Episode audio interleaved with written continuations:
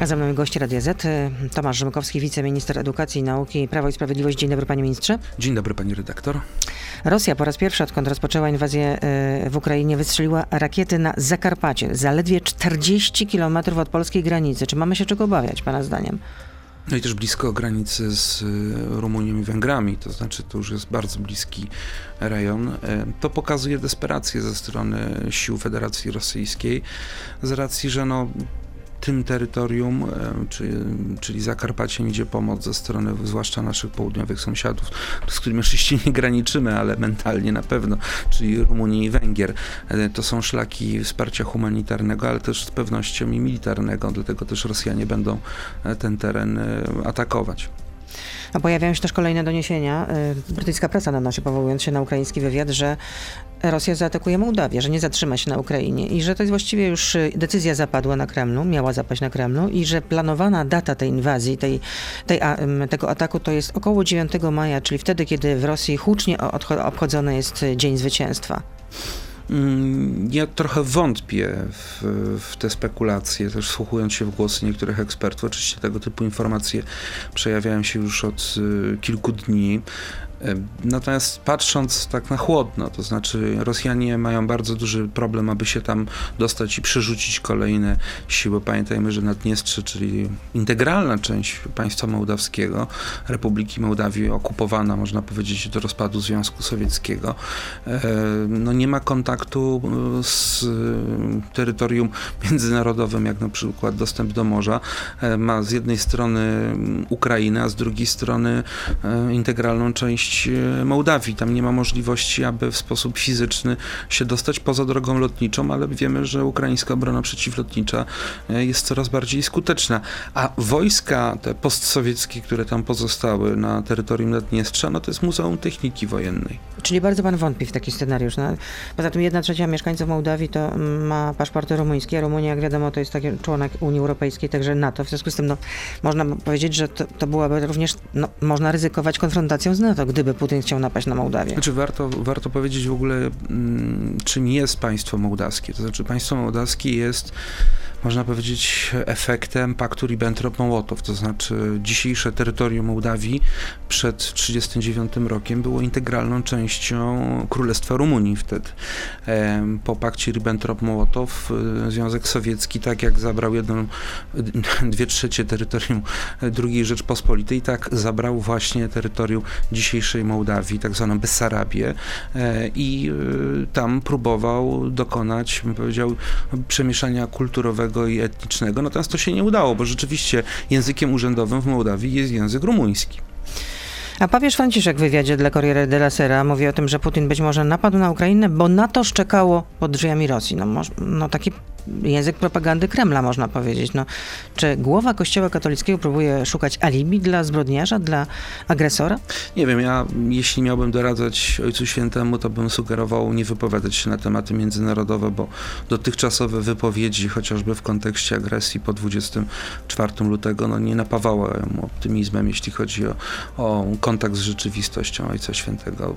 Znaczy, ja uważam, że w sprawach doktrynalnych papież jest nieomylny, natomiast w sprawach geopolitycznych czy bieżącej polityki, to tutaj się strasznie myli. No, ale takie domniemania, no właściwie to miód na serce, można powiedzieć, taki język, którego użył papież, to, to miód na serce Putina.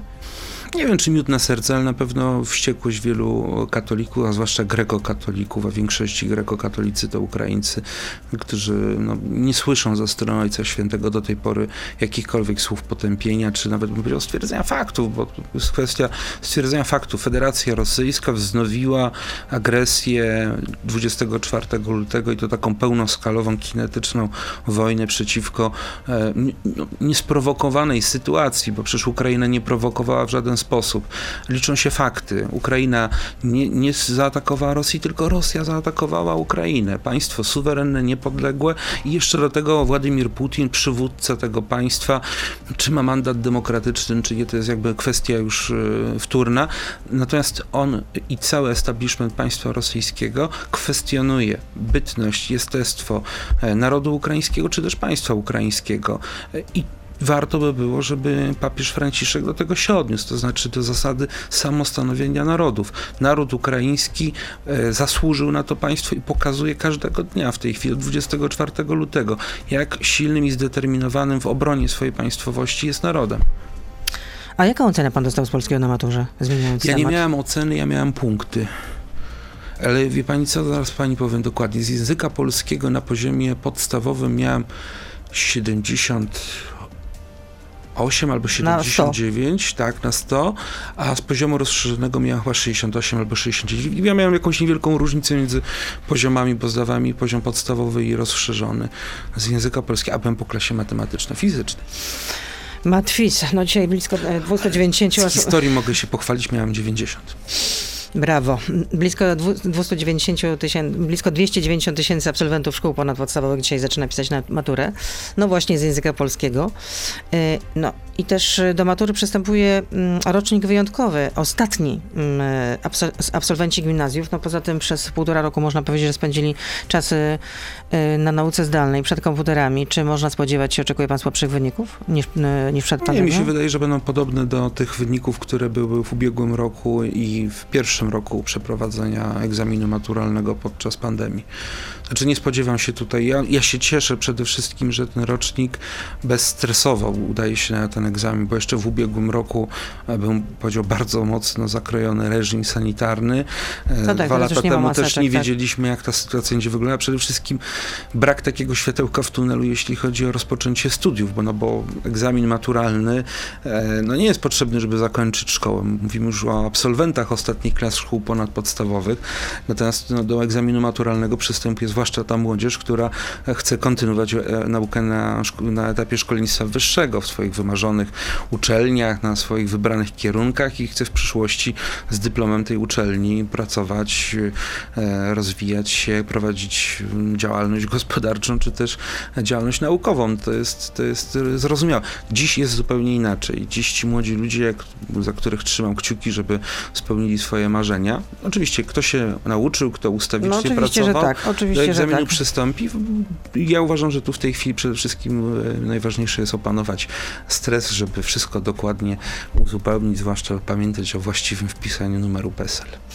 Maturę też pisze czy 41 e, mm, uczniów z Ukrainy. Podziwiam, miało to zdawać e, maturę po polsku 47, ale kilkoro się wycofało. No, było E, nawet więcej a, a gdzie konkretnie będą pisać te matury? Takich danych ja nie mam w tej chwili. Przygotowywałem się, jeśli chodzi o statystyki, ale tego pytania się nie spodziewałem. Mówimy o naprawdę niewielkiej grupie, na te No, 290 no tak, to mówię, tysięcy. 41 osób. 41 osób. W większości to są duże miasta, z tego co było mi przedstawione.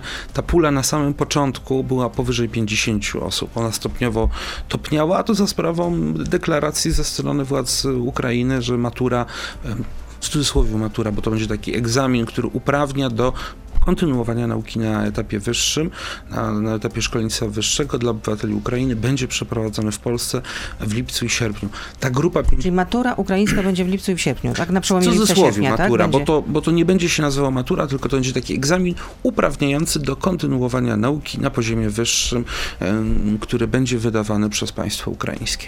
A ta mała grupa, o której wspomnieliśmy, Mhm. te 41 osób, e, e, tych młodych Ukraińców, e, mm, czy oni będą dokładnie tak samo oceniani jak ich polscy koleż, Tak. koledzy i koleżanki? Tak. No bo czy będą mieli jakąś taryfę ulgową? Nic, zupełnie nic. Znaczy taryfa ulgowa No bo- jedynie w poleceniach, to znaczy będą polecenia w języku Ukraińskim. ukraińskim.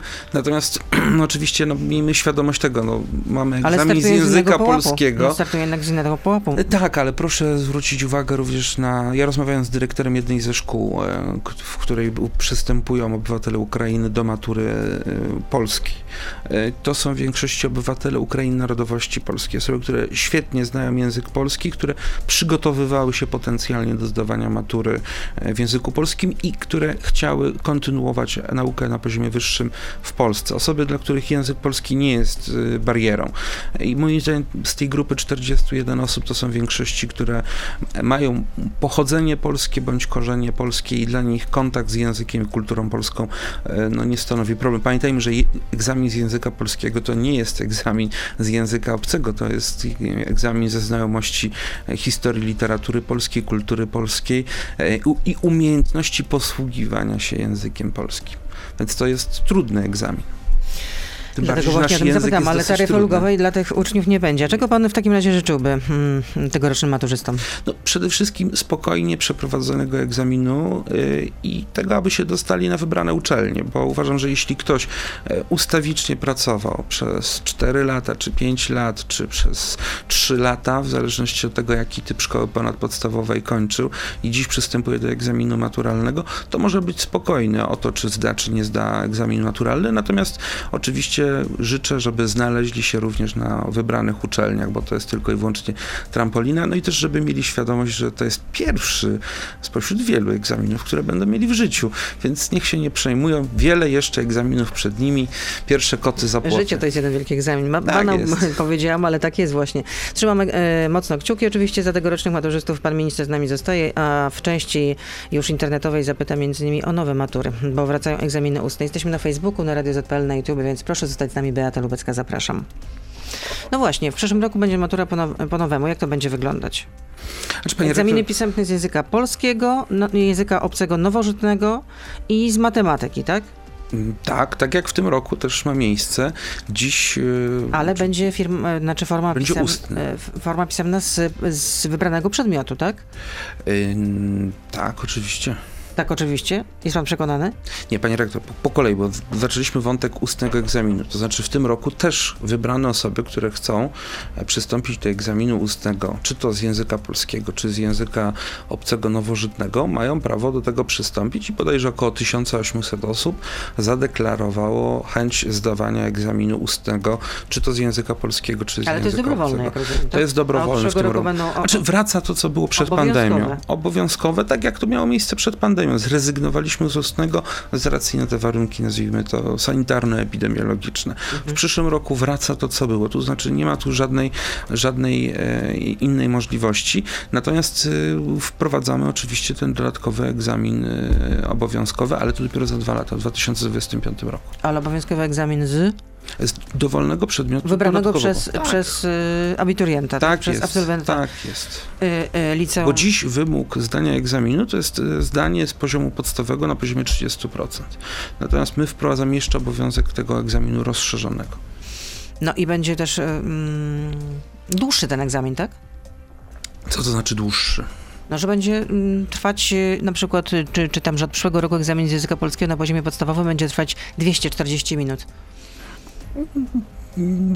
Wracamy do wymiaru e, już nie podstawy, e, czy nie, wytycznych egzaminacyjnych, tylko podstawy programowej.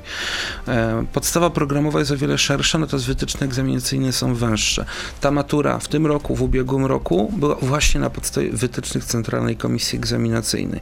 Z racji na to, że no, młodzież część roku szkolnego, czy nawet w ramach cyklu kształcenia, bo to nawet nie jest kwestia nawet tego roku, no bo w tym roku mieliśmy raptem nauczanie zdalne w styczniu i w lutym, na przełomie tych dwóch miesięcy między e, Bożym Narodzeniem a feriami w wielu, w wielu województwach.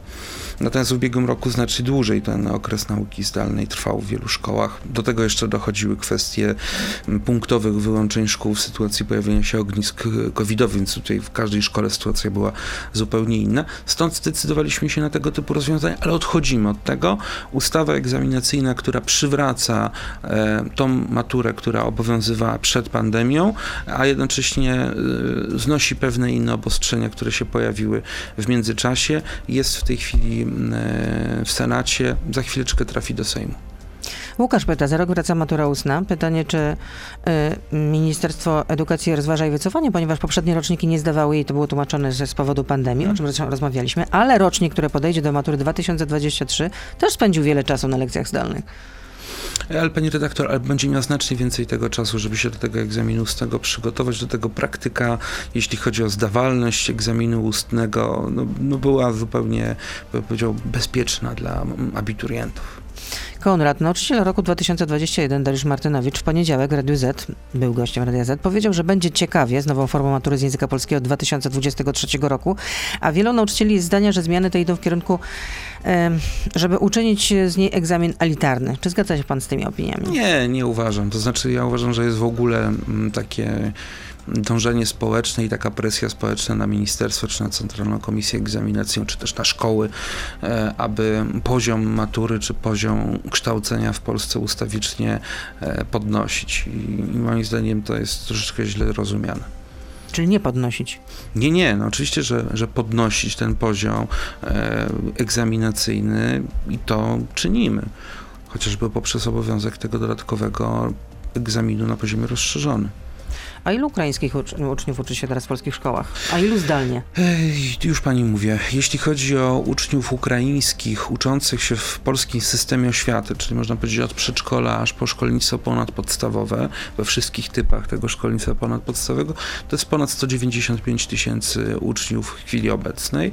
Natomiast według danych e, ukraińskich, bo my takich danych nie mamy, to znaczy ilu Ukraińców przebywających w Polsce uczy się zdalnie w ukraińskim systemie oświaty, no to według danych pani minister Wiry Rochowej to jest e, 540 tysięcy uczniów. 540 tysięcy uczniów uczy się zdalnie. A ilu w ogóle uczniów jest y, y, Ukrainy? Znaczy, ile w ogóle dzieci ukraińskich jest w Polsce? No to trzeba dodać. e, Plus jeszcze oczywiście te dzieci, które nie realizują obowiązku No, no szkolnego właśnie i dlatego. obowiązku, obowiązku nauki. E, No to jest co najmniej powiedzmy jakieś 800 tysięcy dzieci w, w Polsce. Tym bardziej, że ta struktura zupełnie inaczej wygląda w przypadku małych dzieci i zupełnie inaczej, kiedy już, e, jakby to powiedzieć, ociera się o ten limit z 18 roku e, życia. Tutaj można powiedzieć, jest relatywnie mniej uczniów. Część z tych uczniów e, pozostaje w ojczyźnie, część się szykuje do obowiązku obrony ojczyzny, zatem no, nie realizuje, nawet już będąc pełnoletnim obowiązku szkolnego na terytorium Polski, tylko no, podlega obowiązkowej służbie wojskowej. A kiedy ukraińscy nauczyciele zostaną włączeni do systemu oświaty jako pełnoprawni nauczyciele, a nie tylko jako mm, tacy pomocnicy? Czy jest jakieś... Pomoc e, pedagogiczna. Tak, jako pomoc pedagogiczna. No przede wszystkim Czy największą barierą... ministerstwa w tym zakresie? Oczywiście, przepraszam. Natomiast największą barierą, którą my w tej chwili odczuwamy, to nie jest bariera administracyjna, to jest bariera językowa. To znaczy, jeśli ten nauczyciel będzie w pełni komunikatywnie posługiwał się językiem polskim, tak aby no, realizować y, się jako nauczyciel, to nie ma żadnego problemu. Stąd my podejmujemy naprawdę wytężone prace, chociażby poprzez Ośrodek Rozwoju Edukacji w Warszawie, aby takie bezpłatne kursy języka polskiego, ale też i wiele ośrodków doskonalenia nauczycieli w Polsce, tego typu kursy szkolenia dla chętnych obywateli Ukrainy, którzy są nauczycielami w Ukrainie, e, realizować, bo dziś największą barierą to jest ta bariera językowa. Jeśli Ale jak chodzi o miałoby wyglądać takie szkolenie? To byłyby lekcje zdalne? intensywny, nie, intensywny kurs języka, języka polskiego Znaczy dla musieli Ukraińców. przyjeżdżać do Warszawy, rozumiem. I Nie tylko, bo to w, w, w różnych ośrodkach różnie to wygląda, natomiast oczywiście najbardziej skuteczna forma nauki to jest nauka stacjonarna w ramach właśnie tego typu zajęć. Tym bardziej, że najwięcej Ukraińców, którzy przyjechali po 24 e, lutego, no, jest w dużych ośrodkach miejskich, tam gdzie ta infrastruktura potrzebna do nauki jest e, w pełni gotowa. No dobrze, zakładając, że y, taki nauczyciel opanuje język polski na poziomie komunikatywnym, a Mhm. nawet bardziej niż komunikatywnym, rozumiem, no to w takim razie nie wiem. Szybka jakie- ścieżka nostryfikacji uprawnień nauczyciela danego przedmiotu. Bardzo chętnie zapraszamy do polskiego systemu oświaty, jeśli w ogóle Czyli warunkiem e, będzie dane- zdanie egzaminu, rozumiem, tak? nie, znaczy znajomości języka znajomości, znajomości języka po prostu polskiego.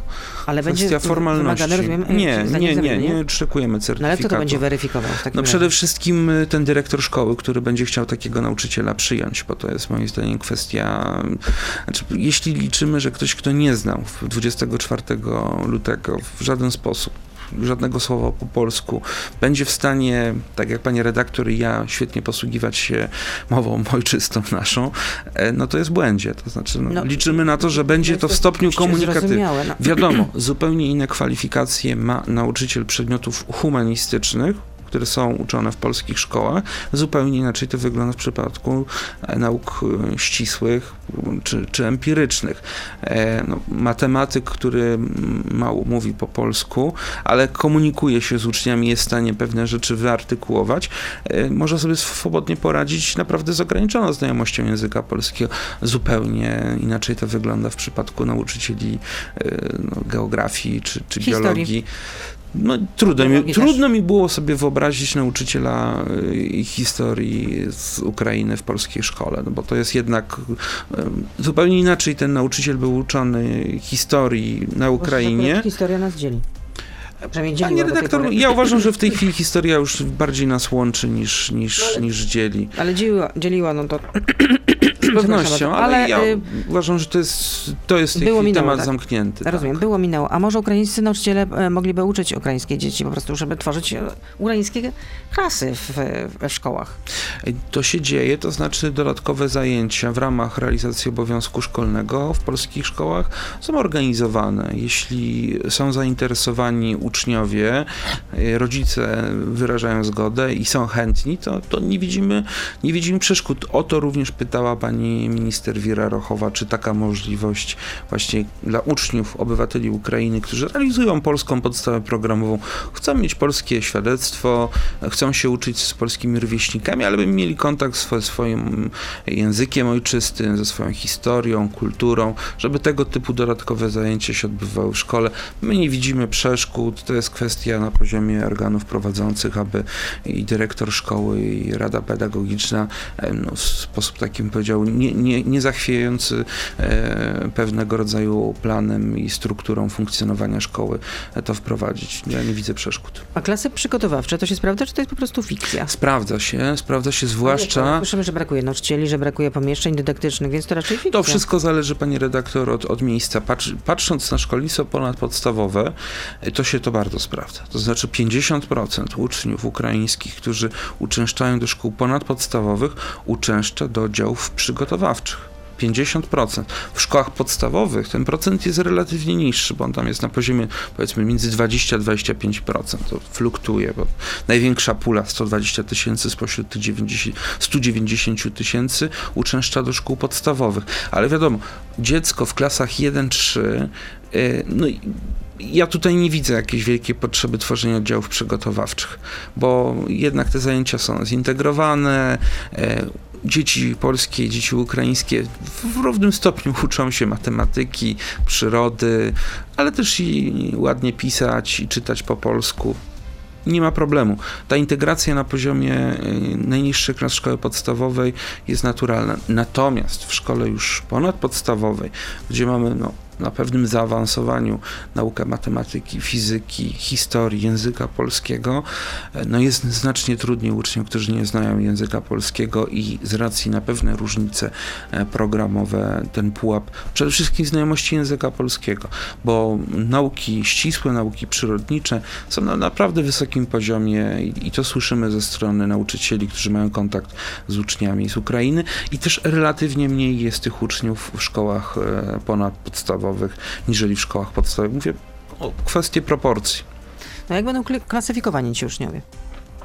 No, będą klasyfikowani na podstawie y, ocen wystawianych przez nauczycieli. Za miesiąc też mamy ym, egzamin ósmoklasistów. No i nawet za mniej. Tak, nie chcę straszyć ósmoklasistów, ale już za mniej niż miesiąc. Za mniej, czy kiedy? W maju. W maju. Tak, no to, 20 bodajże 4 no to pod maja. koniec maja. Tak. No i przystąpi do niego około 7 tysięcy ukraińskich uczniów. Mhm. Tak czytałam. No potem jest rekrutacja do, do szkół ponadpodstawowych. Mhm. No i pan minister Czarnek, pana przełożony, mówi wprost, że nie życzy sobie promowania uczniów, którzy nie znają polskiego. No to jak wtedy, a jak wtedy dzieciaki miały się nauczyć w takim tempie w kilka tygodni polskiego? Panie redaktor, po pierwsze tak, promocja do szkoły ponadpodstawowej, czyli świadectwo ukończenia ósmej klasy jest w żaden sposób nieuzależnione od egzaminu ósmoklasisty. Egzamin ósmoklasisty... Zacytuję jeszcze pana Przemysława Czarnka. Ja Co mówił na antenie Radia Lublin? Czy państwo chcielibyście, byśmy promowali ucznia, który nie zna słowa w języku polskim, nie zna w ogóle literatury polskiej przed polskim uczniem, który świetnie uczył się przez ostatnie lata? To będą zaświadczenia wystawiane, nie świadectwa, jeśli chodzi o uczniów ukraińskich, którzy nie realizują podstawy programowej e, polskiej. Chodziło, podejrzewam, że o to podczas tej wypowiedzi. Natomiast jeśli chodzi o egzamin ósmoklasisty, m, panie redaktor, uczeń ma obowiązek przystąpić do tego e, egzaminu, natomiast nawet oddanie czystego arkusza, jedynie z wypełnionym imieniem i nazwiskiem, czy też numerem PESEL, bo one są e, oczywiście anonimizowane e, no, z racji obiektywnych,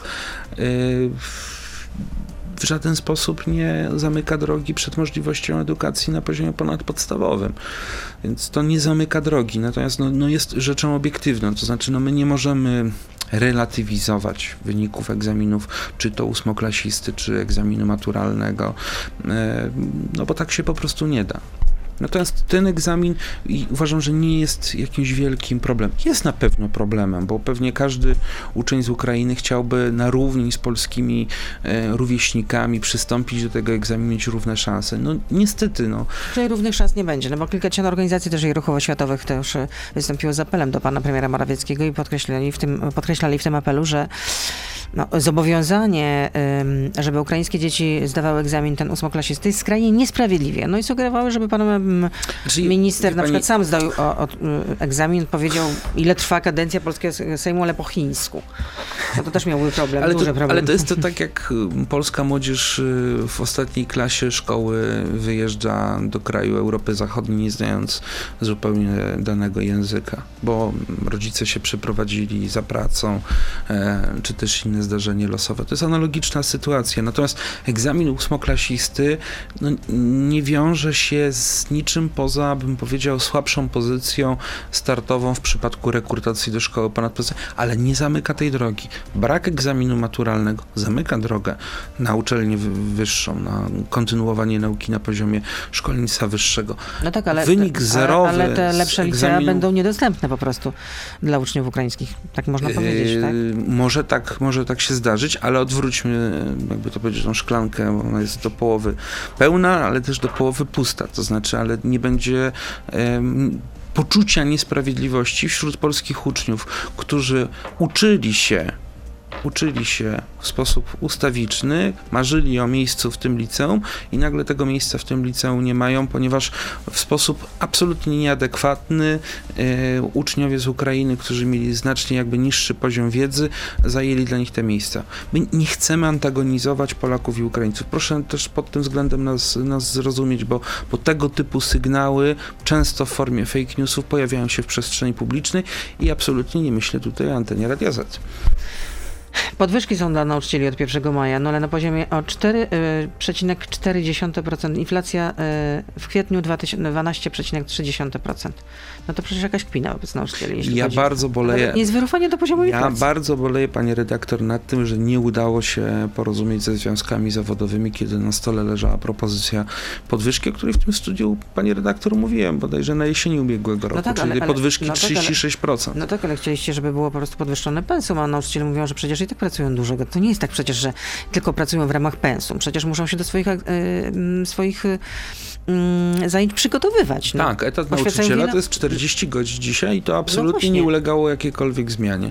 Jedynie liczba godzin przy tablicy z 18 do 22 godzin miała wzrosnąć. No tak, no ale to rozumiem, że i tak... Ale wynagrodzenie o 36% średnio. No tak, ale była też poprawka Niech słuchacze już zdecydują. Ale, ale poprawka była senacka yy, nie zgłoszona. Było znaczy zgłoszona propozycja w Senacie, żeby podwyższyć pensje nauczycielskie do, o 20%. Ta nasza propozycja w żaden sposób dla... nie została przelana na projekt y, ustawy, ponieważ związki zawodowe zablokowały wszystkie, żeby była jasność, nie tylko mój ulubiony Związek Nauczycielstwa Polskiego, ale również inne centrale związkowe zrzeszające nauczycieli zablokowały to nasze rozwiązanie.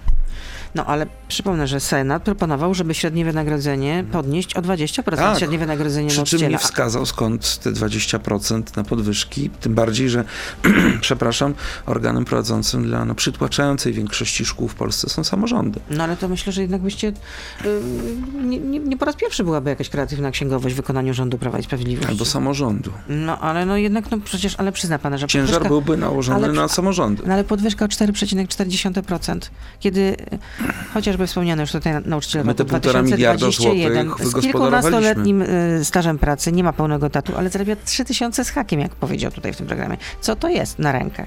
Ale panie redaktor, my proponowaliśmy rozwiązanie, moim zdaniem, o wiele bardziej korzystne dla nauczycieli. Natomiast no, niestety nie spotkało Żeby się więcej to... pracowali przy tablicy. To to, wtedy Ale mogliby Pani liczyć na redaktor, ile średnio nauczyciel? 36% podwyżki. Ile, Ale ile mamy nadgodzin? Ale wtedy by się pieniądze ile mamy znalazły. nadgodzin? Wtedy Półtora pieniądze, miliona nadgodzin ale w wtedy pieniądze by się znalazły? Nie, pani Na redaktor. te podwyżki no, 36%, a teraz nie znalazły się o 20%? Pani redaktor, y, kwestia zwiększenia pensum związała, wiązała się również ze zmianami, które zachodziły w strukturze zawodowej zawodu nauczyciela. Niestety zostało to zablokowane. Ja bardzo boleję nad tym, bo uważam, że to była dobra zmiana. I co ciekawe, naprawdę w wielu miejscach ja na ten temat dyskutowałem z nauczycielami, nauczycielami w polskich szkołach, którzy funkcjonują. I oni byli za tym rozwiązaniem, bo zniknąłby problem chociażby gonitwy za nadgodzinami co jest, bym powiedział, ustawicznym skarżeniem się nauczyciela na dyrektora szkoły, dlaczego ja dostałam dwie do- godziny nadgodzin, a moja koleżanka osiem godzin Tylko powracam do swojego pytania. Wtedy znalazły się pieniądze na te podwyżki o 36%, a teraz nie znalazły się o 20%. Hmm. To by, się To wiązało, to by się wiązało też ze zmianą e, organizacji szkoły. No i Wiązałoby co, co by to zmieniło w finansach państwa? Na, na przykład byłaby redukcja, jeśli chodzi o wynagrodzenia wynikające z nadgodzin, bo my na to nie zwracamy uwagi. Mówimy wyłącznie o wynagrodzeniu na poziomie 18 godzin pełnego etatu nauczyciela przy tablicy, mimo że ten etat wynosi 8, 40 godzin, to jeszcze do tego dochodzą nadgodziny. No, średnio nauczyciel w Polsce ma 4 nadgodziny. Pytanie od słuchacza. Szczery Polak, taki nick ma nasz słuchacz. Czy ministerstwo ma pomysły na wzmocnienie edukacji patriotycznej i zwiększenie nacisku na naukę historii i przekazywanie polskiej kultury? Tak, oczywiście. No jakie? No, szereg takich, bym powiedział, inicjatyw, oprócz wspierania wielu inicjatyw, które pochodzą oddolnie z poszczególnych środowisk, które mają na celu promowanie lokalnych bohaterów, lokalnej historii, również włączanie się w inicjatywy innych instytucji państwowych, samorządowych, no, poprzez chociażby wprowadzenie od 1 września przedmiotu o Hit. nazwie, tak, hit. Historia i teraźniejszość. Krytykowane przez, e, przez wiele środowisk. Y, Kolejne pytanie. Czy encykliki Franciszka papieża znajdą się w nowej liście lektur? Hmm, Chyba w tym roku nie ma jakiejkolwiek korekty listy lektur. W ubiegłym roku była dosyć duża zmiana i ku mojemu zaskoczeniu, bym powiedział, jakoś przeszła bez większego e, krytycyzmu. A Ferdydurkę wylatuje? Chyba Przepraszam, jest w liście lektur. Nie, nie, nie pamiętam. Konrad, czy nowy projekt ustawy nazwany Lex Czarnek będzie różnił się od tego zawetowanego przez pana prezydenta Dudę? No chyba z, będzie się różnił. A czym? A to trzeba pytać posłów wnioskodawców, bo to jest projekt poselski. No ale to ma być właściwie no, przepisanie, można powiedzieć, copy-paste. No nie. Nie? To co tam będzie? Pewne, to, o, o co będzie zmiany wzbo- są. wzbogacony? A czy pewne, pewne potrzebne przepisy, które mm, zostały zawetowane przez pana prezydenta, e, znalazły się chociażby w ustawie egzaminacyjnej, która w tej chwili jest w Senacie, więc pod tym względem no, e, no, nie będzie kopiowania tych samych norm, bo one już się znajdują w uchwalonej ustawie, która zakończyła prace mm, senackie i nie została odrzucona przez Senat, tylko znajdują się tam poprawki, bodajże pięć poprawek i będzie w najbliższym posiedzeniu Sejmu e, głosowana ta uchwała Senatu z tymi poprawkami dotyczącymi egzaminów. No dobrze, niektóre poprawki a mają naszą akceptację, niektóre absolutnie nie, tak jak chociażby wprowadzenie egzaminu z przedmiotu przyroda na egzaminie ósmoklasisty jako czwartego przedmiotu obowiązkowego, bo to jest, bym powiedział, szok. To znaczy na 10 miesięcy przed egzaminem ósmoklasiści mieliby zdawać czwarty przedmiot. My jako ministerstwo jesteśmy przeciwne. Czy uczniowie powinni mieć jakąś minimalną chociażby stabilizację i nie mogą się na 10 miesięcy przed dowiadywać, że będą mieli egzamin dodatkowy. Czyli kiedy Lex Czarnek y, mm, będzie procedowany w Sejmie? Kiedy rozpoczną się prace? Nie wiem. Czarnek 2.0? Ja, ja nie śledzę. Pani rektor wybaczy, ale ja, ja nie No śledzę nie, tego. Nie, no, wiceminister edukacji nie ma projektu. bladego pojęcia. No ja to jest dla mnie Nie tak bladego, znaczy ja mam jeden odcinek frontu. Y, Jan pyta, dlaczego prezydent Duda powiedział, że ma nadzieję na brak faktycznej granicy między Polską a Ukrainą i wspólnej koegzystencji na tej ziemi? Czy takie zapędy to już jest, y, no, mocno powiedziane, zdrada stanu, czy jeszcze nie? Oj, tutaj niepotrzebnie chyba pan, nie wiem, przepraszam. Jan, Pan Jan. Jan. Pan Jan się zagalopował.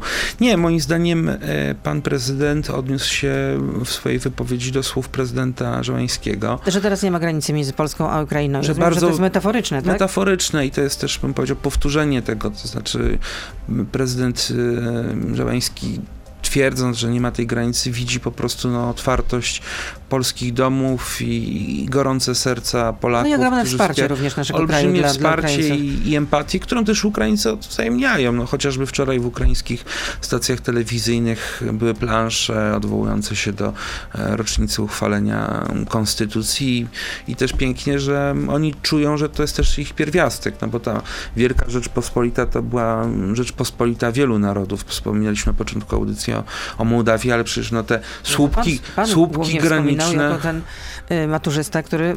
Ile miał pan tam punktów za, za Z czego? z historii? Z historii miałem 90. No, to prawie piątka, można powiedzieć, albo prawie szóstka w skali jedno, od 1 do 6. Ale, no, ale te wszystkie narody no, odczuwają tą łączność. To znaczy, to jest duma, to jest powód do dumy, że tworzyliśmy tą wspólnotę, ten, te polskie common law, które mm, e, no, stworzyło pierwszą na kontynencie europejskim nowożytną konstytucję. Bo oczywiście wczoraj z synom tłumaczyłem, że konstytucja, konstytucje już były wcześniej, tylko że chodzi o pewnego rodzaju e, nową ustawę rządową, która porządkowała pewne w sposób taki, powiedział, oświeceniowy e, porządek rządzenia. Porządzeń, nie, nie awangardowy, taki z metodą monteskiuszańską trochę. Dzieliła tą władzę i e, konkretnie określała w sposób taki bardzo nowoczesny, bo konstytucje sejmowe były bardzo często, no chociażby słynna konstytucja Nihilnowi, prawda, z 1505 roku.